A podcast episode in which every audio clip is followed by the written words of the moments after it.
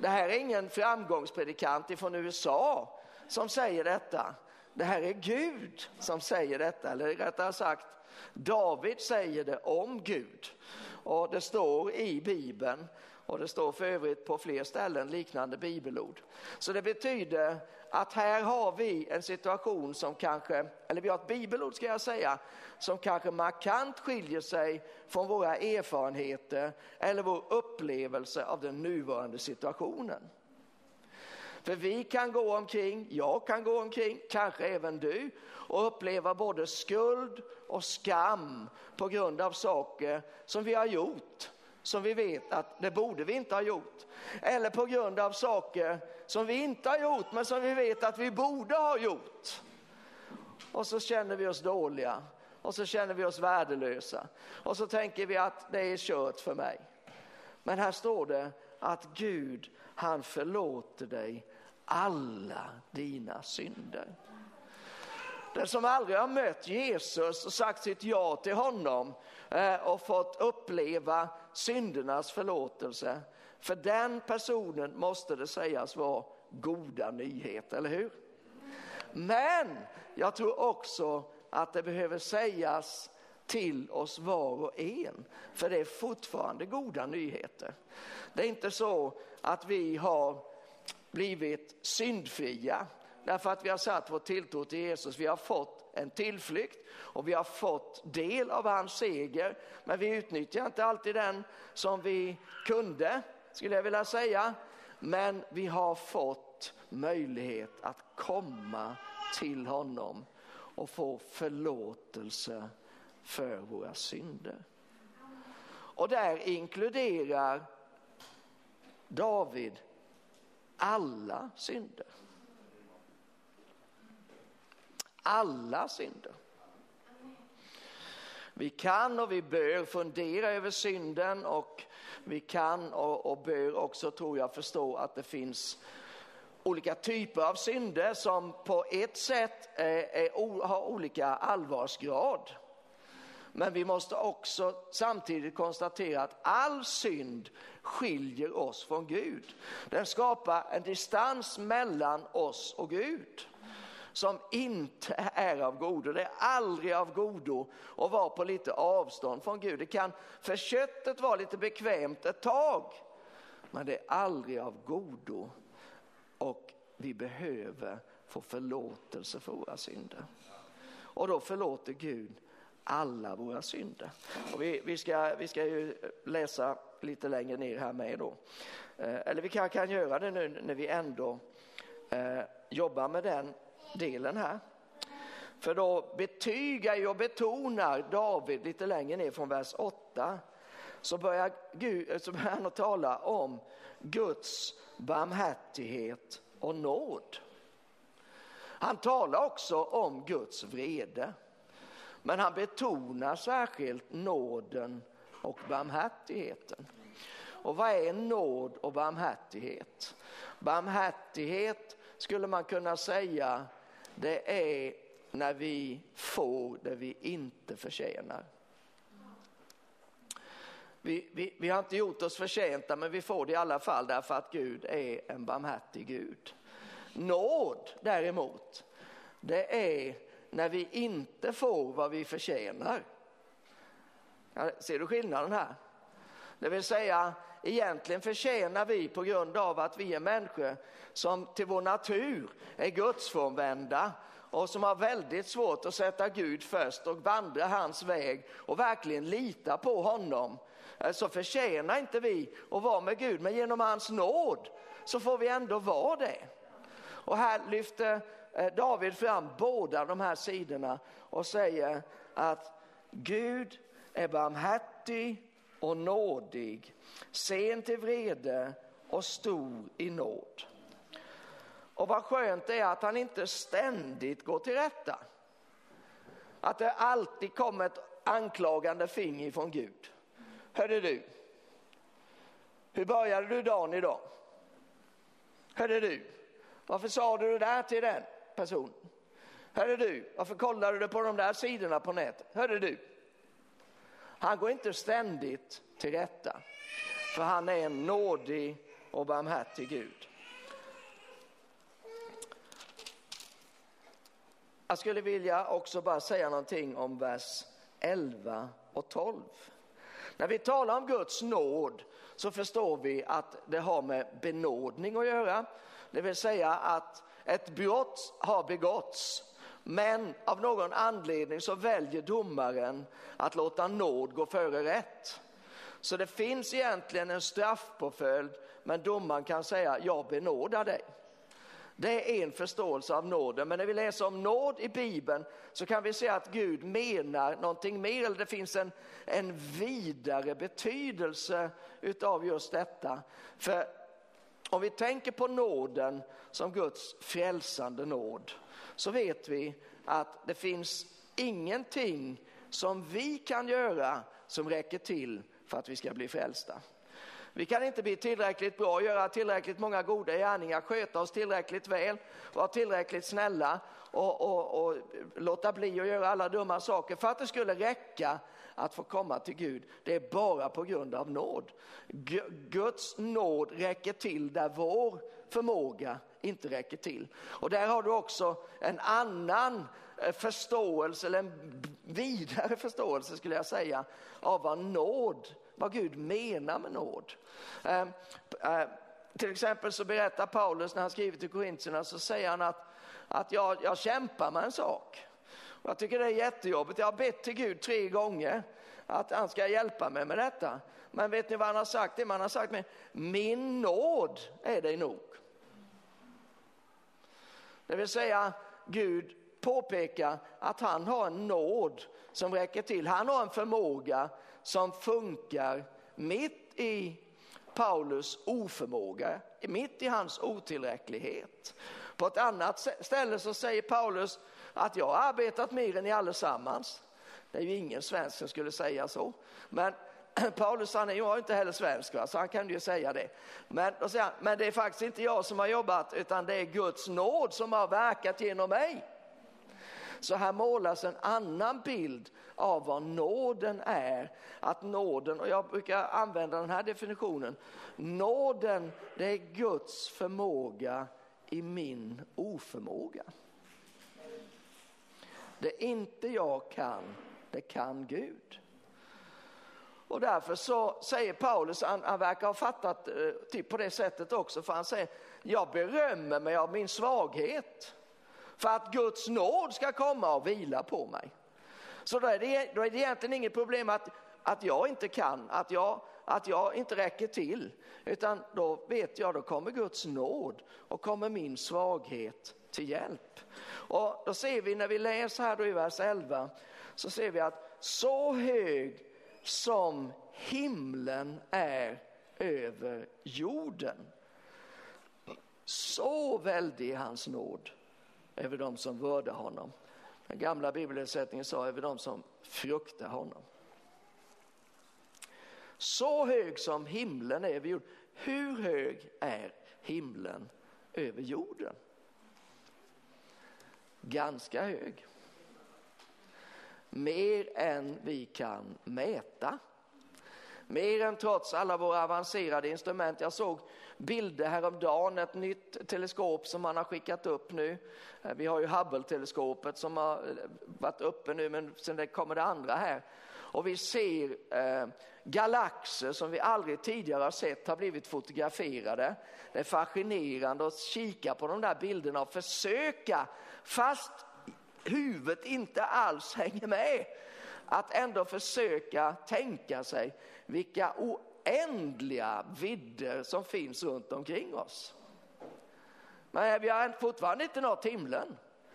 Så hög som himlen är över jorden, så väldig är hans nåd över dem som vördar honom. Ja, det skulle man kunna kosta på sig ett tack så jättemycket eller Gud välsigne det eller halleluja i alla fall. Någonting i den stilen för det är helt otroligt. Vilken nåd som Gud har ställt till vårt förfogande.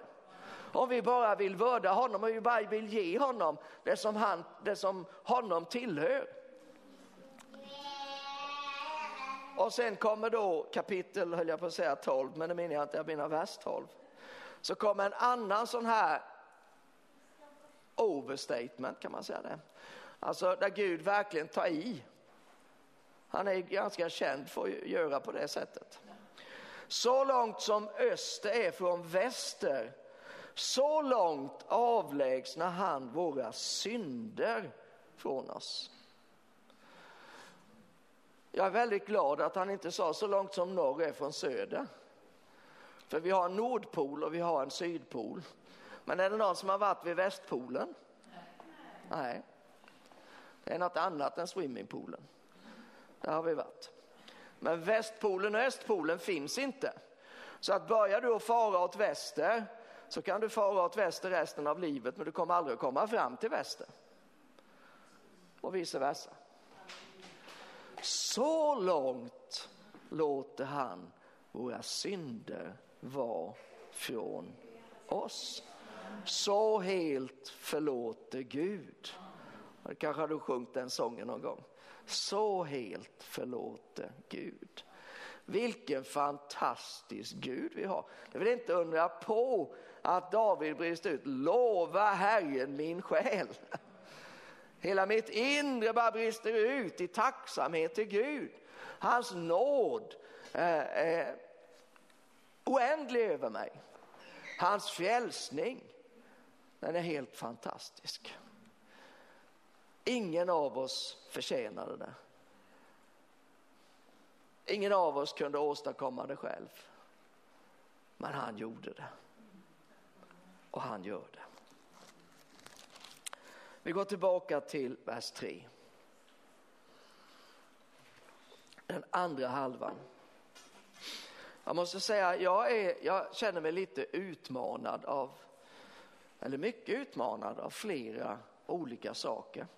Eh, det är en växande frustration inom mig eh, över att jag kan läsa saker och ting i Bibeln eh, men jag märker att jag själv inte befinner mig där utan jag befinner mig mer eller mindre långt borta ifrån det.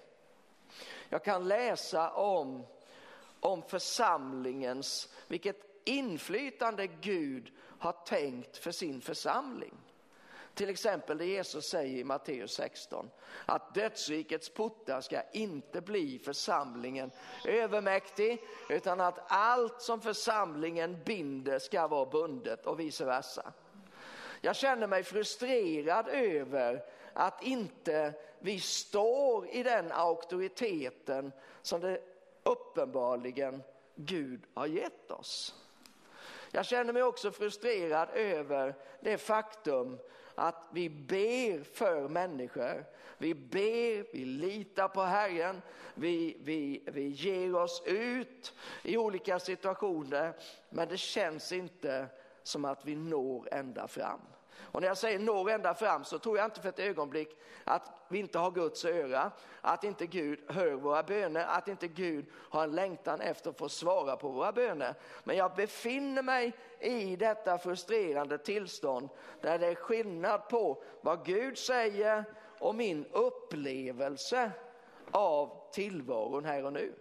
Mina erfarenheter talar emot mig alldeles för ofta, eller snarare de talar emot vad Guds ord säger. Och ibland så nöjer jag mig med vad erfarenheterna säger. Och det blir jag också frustrerad över. Så just nu är det en frustrerad predikant som står på podiet här. Men när allt detta är sagt, så, och du kanske känner igen dig en smula i dig, jag skulle nästan hoppas att du gör det, att inte du bara sitter och säger jag är så nöjd, jag har mitt på det torra, och det är inte värre än att jag klarar mig och snart kommer ändå Jesus tillbaka. Jag är lite orolig för vedermödan men jag hoppas att inte du sitter på det sättet. Utan att du också lever med den här frustration kanske, för det ger så många negativa konnotationer. Men, men om vi säger så här att det finns en otillfredsställelse över att Gud har sagt saker som inte vi har lyckats få till stånd i den här världen eller ens i våra egna liv. Och det hoppas jag att du lever med. Men jag tror att en förutsättning för att vi ska kunna flytta oss närmare vad Gud säger, det är inte frustration. Det är inte att komma och klaga på Gud och säga Gud varför funkar det inte? Varför gjorde du det så här krångligt? Eller att bara liksom leva vidare med den här otillfredsställelsen. Utan en, en, den enda vägen för att komma till rätta med detta, det är att gå tillbaka till Guds ordet. Att gå tillbaka till vad är det som Gud säger. Att bara hålla fast i det, eh, att vägra att släppa det, att vara som en, vad det nu är för hundras som de säger bit ihop och som bara håller ihop sen. Eh, på Gudsordet så att det blir lite som Jakob när han brottas med Gud. Jag släpper det inte med mindre än att du välsignar mig. Eller som Martin Luther sa, att han, han levde ju också i det här, precis som vi alla gör. Det, är, det tillhör oss människor. Det är därför det är viktigt att vi fortsätter att leva i tro och av tro. Men han sa, jag, jag, bara, jag vet det finns bara en väg. Jag tar Guds löften och så proppar jag Guds öron fulla med hans löften. Och det är så vi behöver jobba. Och det är så jag vill läsa vers 3 här. Han förlåter dig alla dina synder och botar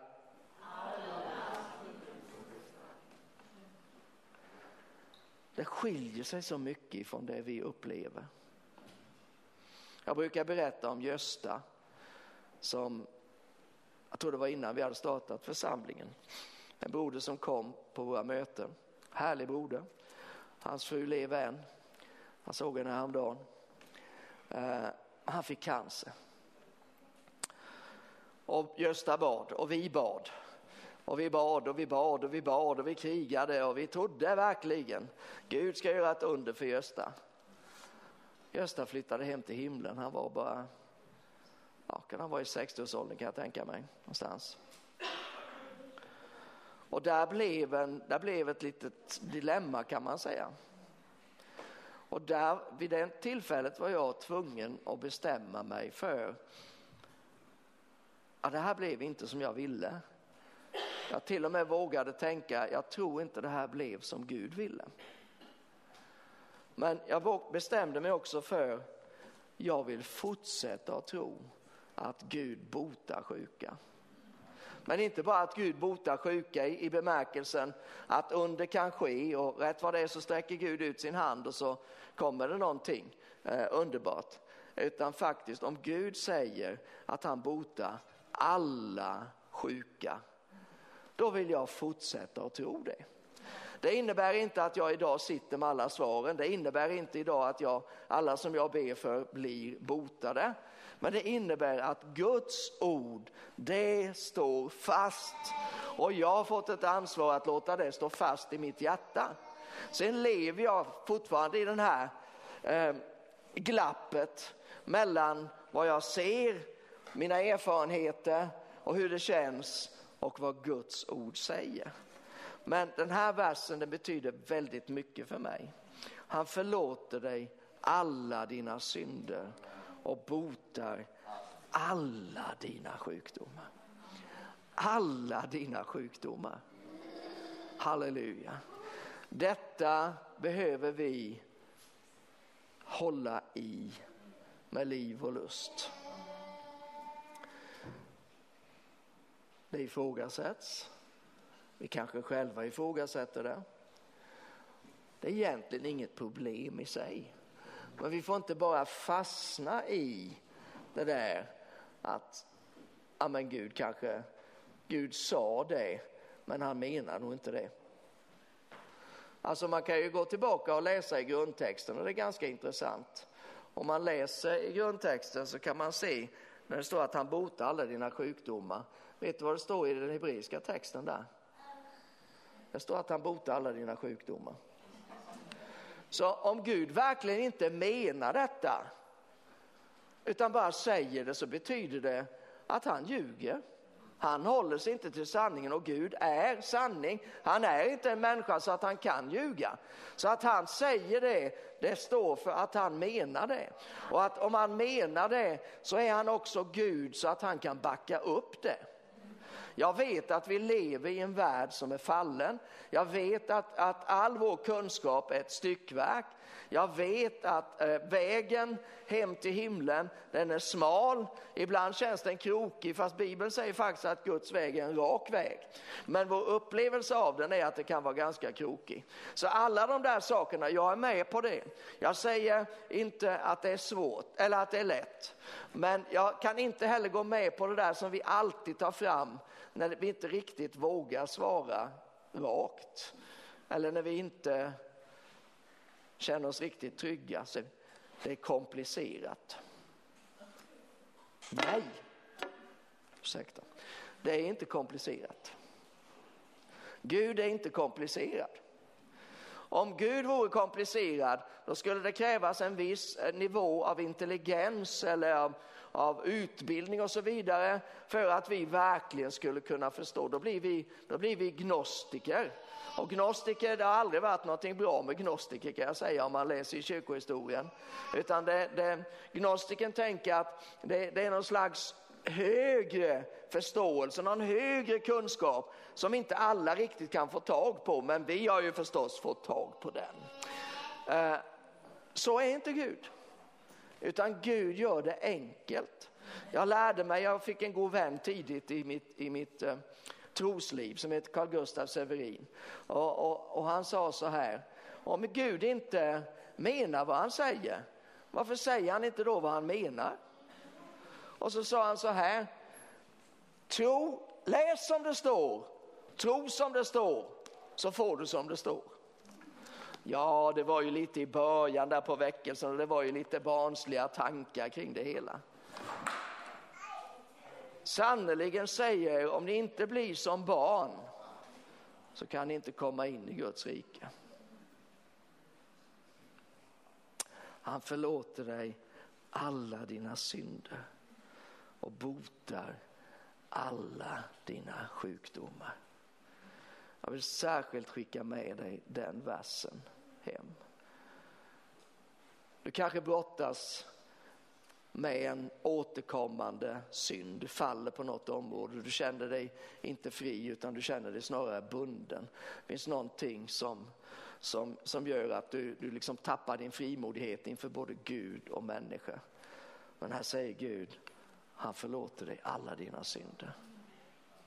Om vi bekänner våra synder så är han trofast och rättfärdig så att han förlåter oss våra synder. Men det står någonting mer i den versen. Känn igen det va? Första Johannes 1 och 9. Han förlåter oss våra synder och renar oss från all orättfärdighet. Han har förmågan att också ta bort, ta bort det som finns där, som plågar din själ eller som gör att du faller. Han förlåter dig alla dina synder och botar alla dina sjukdomar. Detta är evangelium. Får vi toucha ett par verser till innan vi säger amen här. Han friköper ditt liv från graven. Vad står detta för? Det är människan förelagt att en gång dö och sedan dömas. Det står också i Bibeln. Och när man har dött så läggs man i graven. Så menar Gud det eller menar han det inte? Jag tror att vi behöver förstå det här utifrån att det finns, det finns man, kan dö, man kan vara död på mer än ett sätt, så kanske jag kan säga. Och den, den död som David talar om här, det är ju den eviga döden. Men här säger han, han friköper ditt liv ifrån graven. David är ju död och begraven. Det är konstaterat. Hans grav fanns eller finns kanske någonstans fortfarande eh, i Jerusalem. Men den eviga livet vinner över den eviga döden. Vad är då detta? Man brukar tala om, vi hade uppe detta på konfirmationen här för, för eh, eh, några veckor sedan, när vi talade om döden och livet. Eh, och eh, man kan tala om en fysisk död. Det är det som vi först och främst tänker på när vi talar om död. Det vill säga hjärtat slutar att slå och det gör att kroppen stänger ner och så är man fysiskt död. Så finns det en, en annan död som man kan uppleva eller ha under tiden man lever fysiskt. Det vill säga att man är andligt, andligt död. Och att vara andligt död det betyder att vara i den här världen men inte ha Jesus i sitt hjärta. Då är man enligt Bibeln en andligt död människa. Men så länge man lever det fysiska livet så finns det möjlighet att göra slut på den andliga döden i ens liv. Men om man är andligt död och dör fysiskt, då kliver man in i den tredje typen av död, nämligen evig död. Och vad evig död, det innebär motsatsen till evigt liv. Ska vi inte fördjupa oss allt för mycket i detta? Jag ser, känns som att solen gick ner för en del av er nu. Men det fina det är att genom Jesus så har Gud friköpt oss ifrån den eviga döden. Ty så älskade Gud världen att han utgav sin enfödde son för att var och en som tror på honom inte ska dö utan ha evigt liv. Han friköper ditt liv från graven. Han kröner dig med nåd och barmhärtighet. Det är kronan på ditt huvud. Det är baneret över ditt liv. Vi har redan talat om vad nåden och barmhärtigheten gör. Och så i vers 5 så står det så här. Han mättar ditt begär med sitt goda. Han mättar din längtan med sin goda skulle man också kunna översätta det. Lite olika översatt i olika, olika bibelöversättningar. Han mättar din längtan med sitt goda. Det vill säga, Gud är den som verkar i oss, både i vilja och gärning. Eh, att det finns en vilja, att det finns en längtan efter det som är gott i ditt liv. Det är ett ganska starkt tecken på att det är Gud som har lagt ner dig i ditt liv. Han vill gott. Om du längtar efter gott, om du längtar efter dina nära och käras frälsning, då, då vill Gud mätta din längtan med sitt goda så tillvida att han vill frälsa dem. Så därför så ska du fortsätta att be för dem, fortsätta att tro Gud för deras frälsning. Men här står det en annan, en annan um, en annan utgång eller en annan eh, frukt av att Guds godhet får flöda in i våra liv. Så att du blir ung på nytt som en örn. Ja, det är vi, vi gamla igen som får liksom, yes, vad skönt. Han mättar ditt, ditt begär med sitt goda så att du blir ung på nytt som en örn. Örnar lever länge. Det är av de fågelarter som lever längst faktiskt. Det som är speciellt också med fåglar och inte minst örnar det är ju att de byter fjäderdräkt. De ruggar och så får de nya fjädrar. Jesaja anknyter ju till det i det 40 kapitlet när han talar om att vi behöver vänta på Herren, eller jag tror vår översättning säger hoppas på Herren, eh, så blir vi så blir vi som örnar som bara kan, kan sväva omkring där uppe. Det vill Gud göra med oss alldeles oavsett om vi är unga eller gamla. Men när man blir gammal då kan man känna som att fjäderdräkten är lite sliten och jag har nog varit mitt bästa och, och nu får jag liksom försöka gå in för, för landning här och göra som en, en broder sa, göra en hedervärd sorti. Men det är inte det som Gud säger. Utan han säger att vi, även de gamla träden, ska bära frukt. Eh, även de gamla ska få nya fjädrar som örnarna. Så att det, det, Gud målar en helt annan bild. Det är därför han vill låta sin godhet komma oss till mötes. Han vill låta sin godhet möta vår längtan. Får jag sluta i den trettonde versen. Att Gud gör på detta sättet, det har med hans hjärta att göra. Vi talar ofta om, om våra hjärtan eh, och det är bra att göra det. Eh, för att det är så mycket som eh, fokuserar kring vår kropp och vårt yttre och, och allt som vi har runt omkring oss. Men, men Bibeln är tydlig och säger framför allt som ska bevaras så må du bevara ditt hjärta. För det är källan till livet, därifrån utgår livet. Men att Gud vill göra allt detta, att han förlåter oss alla våra synder och botar alla våra sjukdomar, det har att göra med hans hjärta. För Gud har ett fadershjärta. Och då har vi kommit fram här till fars dag. Gud, han presenteras först som Gud, Fadern.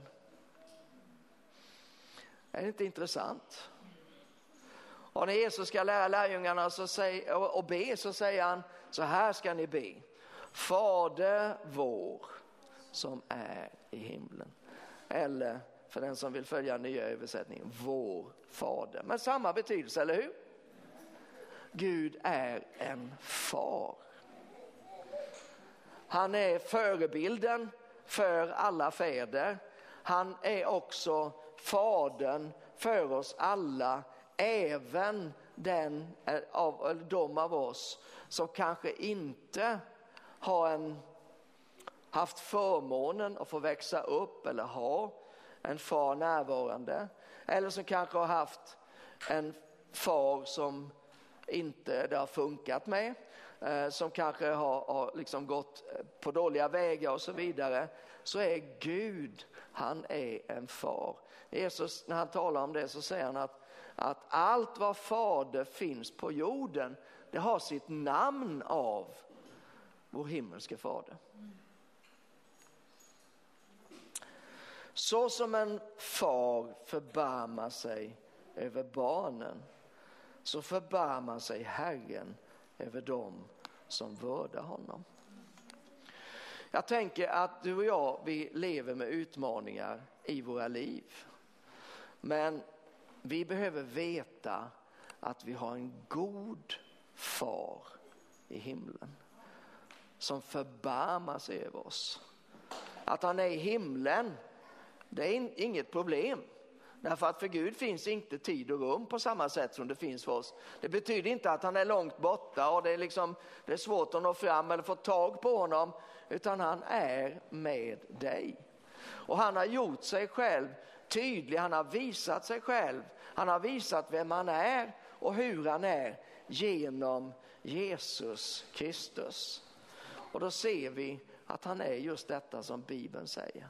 Han är god, han har all makt, han älskar.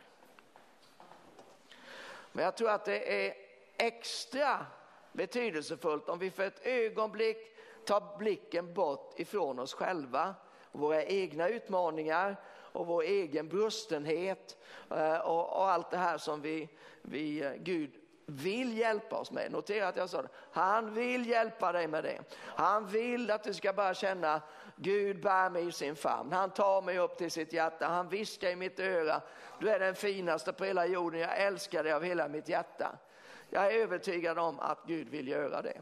Men om vi för ett ögonblick lyfter vår blick lite så tänker jag på två kategorier av människor som jag vet att vi har runt omkring oss och som verkligen behöver höra detta. Och det ena det är, skulle jag, om jag nu får generalisera för att det, det blir ju så. Men vi bad, Karina nämnde om Hart eh, i Stockholm. Eh, Sebastian, Bets känner ni igen. Ni har träffat andra där, också Flavia och Leo som så småningom kommer.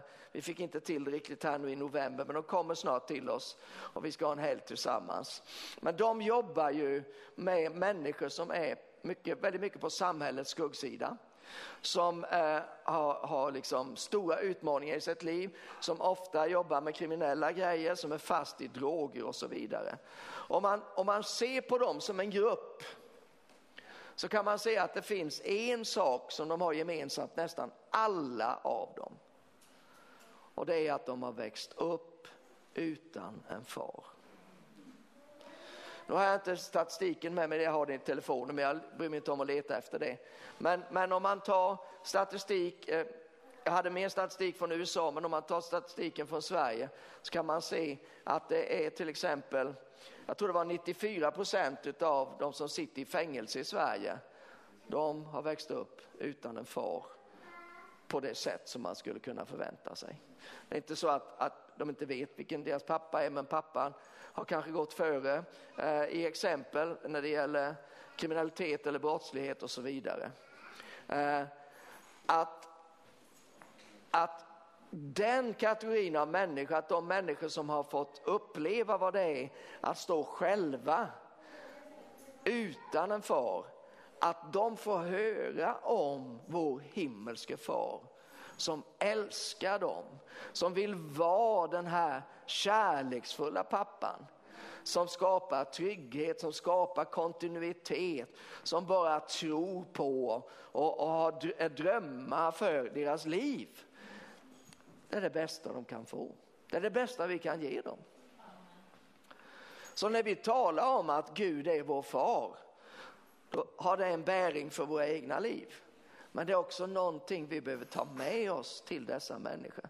Men jag nämnde om två kategorier. Den första kategorin är de som eh, lever lite grann på sidan av samhället.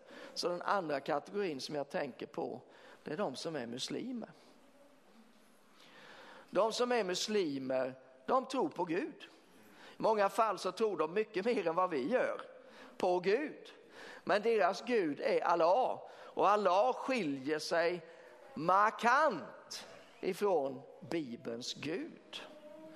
Eh, till exempel så säger deras trosbekännelse att Gud, han är en och han har ingen son. Om Gud inte har någon son så innebär det att han är inte heller någon far. För att det är, det är, det är fäder som har söner, eller hur? Ja, eller barn. Och har han ingen son, ja, då är han ingen far. Och de lever väldigt tydligt i tomheten av att inte få uppleva detta, kanske tillsammans med en kultur som i många fall fjärmar dem ifrån fäderna, som inte har Eh, så mycket av den här naturliga närheten som vi har. Det, nu generaliserar jag så ni märker jättemycket, men jag vill bara få fram en poäng här. Att de som lever runt omkring oss och som saknar en far, evangeliet är balsam för alla dessa människor.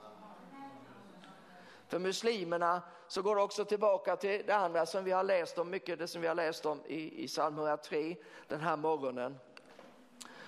En muslim kan inte känna sig säker på Guds acceptans. Det vill säga att, att Gud, om jag har gjort fel, vilket alla människor har ett samvete alla människor vet någonstans med sig, jag har gjort grejer som inte är bra. Och det där det gnager på ett eller annat sätt i samvetet. En muslim har ingen frälsare.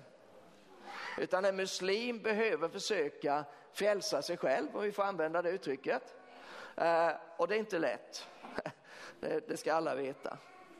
Eh, det enda sättet som eh, Koranen ger för handen en biljett till paradiset, det är att bli en martyr. Och det är en stor del till förklaringen att de gör som de gör till exempel nere på Gazaremsan just nu. Eh, om inte man har en Gud som har offrat sig för en, då måste man offra sig själv. Men därför så budskapet om att Gud är din far och att det finns förlåtelse. Att Gud älskar dig som sitt eget barn. Det är goda nyheter för dem. Och därför så tar vi med oss nu, nu ska, vi, ska jag sluta här, jag har predikat länge men det jag brukar ju göra så. Eh, ska vi sluta här genom att be tillsammans men särskilt låta Gud få tala in i våra hjärtan när vi behöver få möta honom som vår far, som vår frälsare, som vår läkare. Få möta hans nåd och hans barmhärtighet. Men också att vi får ta med oss att vi har ett evangelium, vi har ett budskap som så många människor i den här världen desperat väntar på, hoppas, längtar efter. Och det är grymt av oss om vi av en eller annan anledning väljer att inte dela det med dem. Ska vi stå upp tillsammans? Fader i himmelen, jag tackar dig för din otroligt stora gåva, Jesus Kristus. Du har klätt dig i mänskligt kött för att kunna försona hela världen med dig själv. Hela vår själ, när vi tänker på det så vill hela vår själ bara brista ut i jubel. Halleluja. Tack Gud, Inget, ingen förtjänst, eh, ingen, inga gärningar, inga, inga, inget, inget som vi kunde åstadkomma, eh, Herre, men bara på grund av din stora nåd och din stora barmhärtighet. Och därför vill vi tacka dig den här dagen för din nåd och din barmhärtighet till var och en av oss. Men hjälp oss också Herre så att vi kan ge vidare detta. Att vi på något sätt får vara en annonspelare, att vi får förmedla till människor runt omkring oss. De behöver inte vara utslagna eller muslimer, de kan vara välbärgade svenskar. Men Herre, alla och varenda en utan dig är en förlorad människa och du vill inte att någon ska gå förlorad. Du vill att alla människor ska bli frälsta. Så vi bara ber Herre att vi får öppna våra hjärtan och ta emot detta och se detta och, och bära detta eh, och, och, och, bara förmedla detta Herre. Att du är en god Gud, att du förlåter alla synder, att du botar alla sjukdomar och att du låter vår synd vara så långt borta ifrån oss som öst är från väst tjänster och att din nåd är så väldig över oss Herre, som himlen är hög över jorden. Vi tackar dig Gud för att du gör detta i oss och du vill göra det genom oss. I Jesu namn. Amen. Amen. Vi ska, vi ska eh, ha ytterligare en glädjestund här i i avslutningen av gudstjänsten. Men innan dess så tycker jag bara att vi ska ge tillfälle om det är någon eller några som önskar förbön. Eh, för vad det än är så vill vi bara tro och be tillsammans med dig. Och vi, vi gör det så här bara enkelt men ändå trosfyllt att, att om du vill ha förbön så lyft bara din hand där du står och så, så samlas vi runt omkring där vi som är i närheten och så så ber vi tillsammans. Amen. Här ser jag någon hand och där nere ser jag en hand tror jag.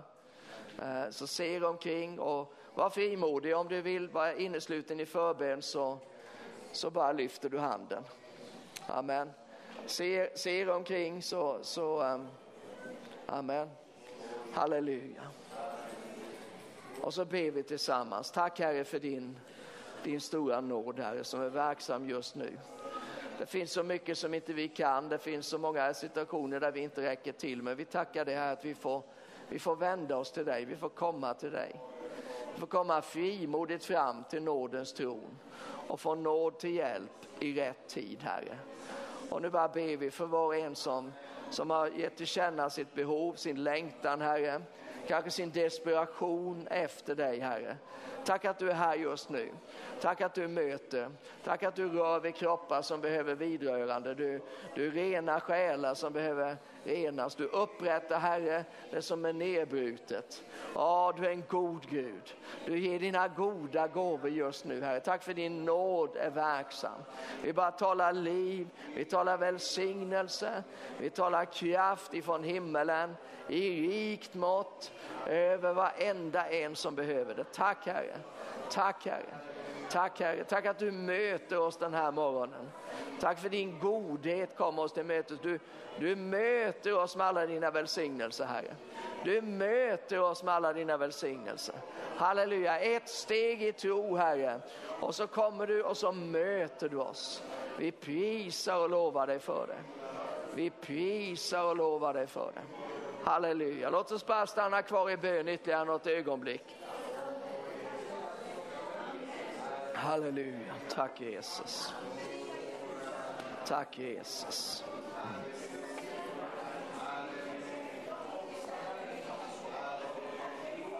Tack Jesus.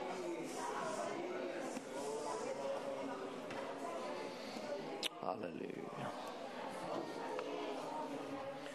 Halleluja. Tack Jesus. Amen. Tack Jesus.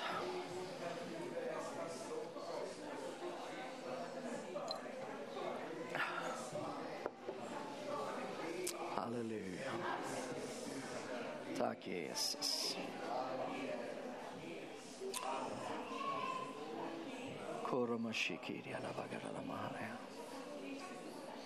Tack Jesus. Amen. Halleluja. Gud är en god Gud. Uh, nu ska vi, uh, innan du får, om du vill får du sätta dig ner på baken i ett par minuter till bara. För vi vill, vi vill sluta på topp. Uh, och idag så gör vi det, vi ska förstås få lite pålysningar med här. Att, jag undrar om inte vi, vi gör det nu. Karina, vill du ge oss lite information här och så får jag ta det absolut sista upploppet där.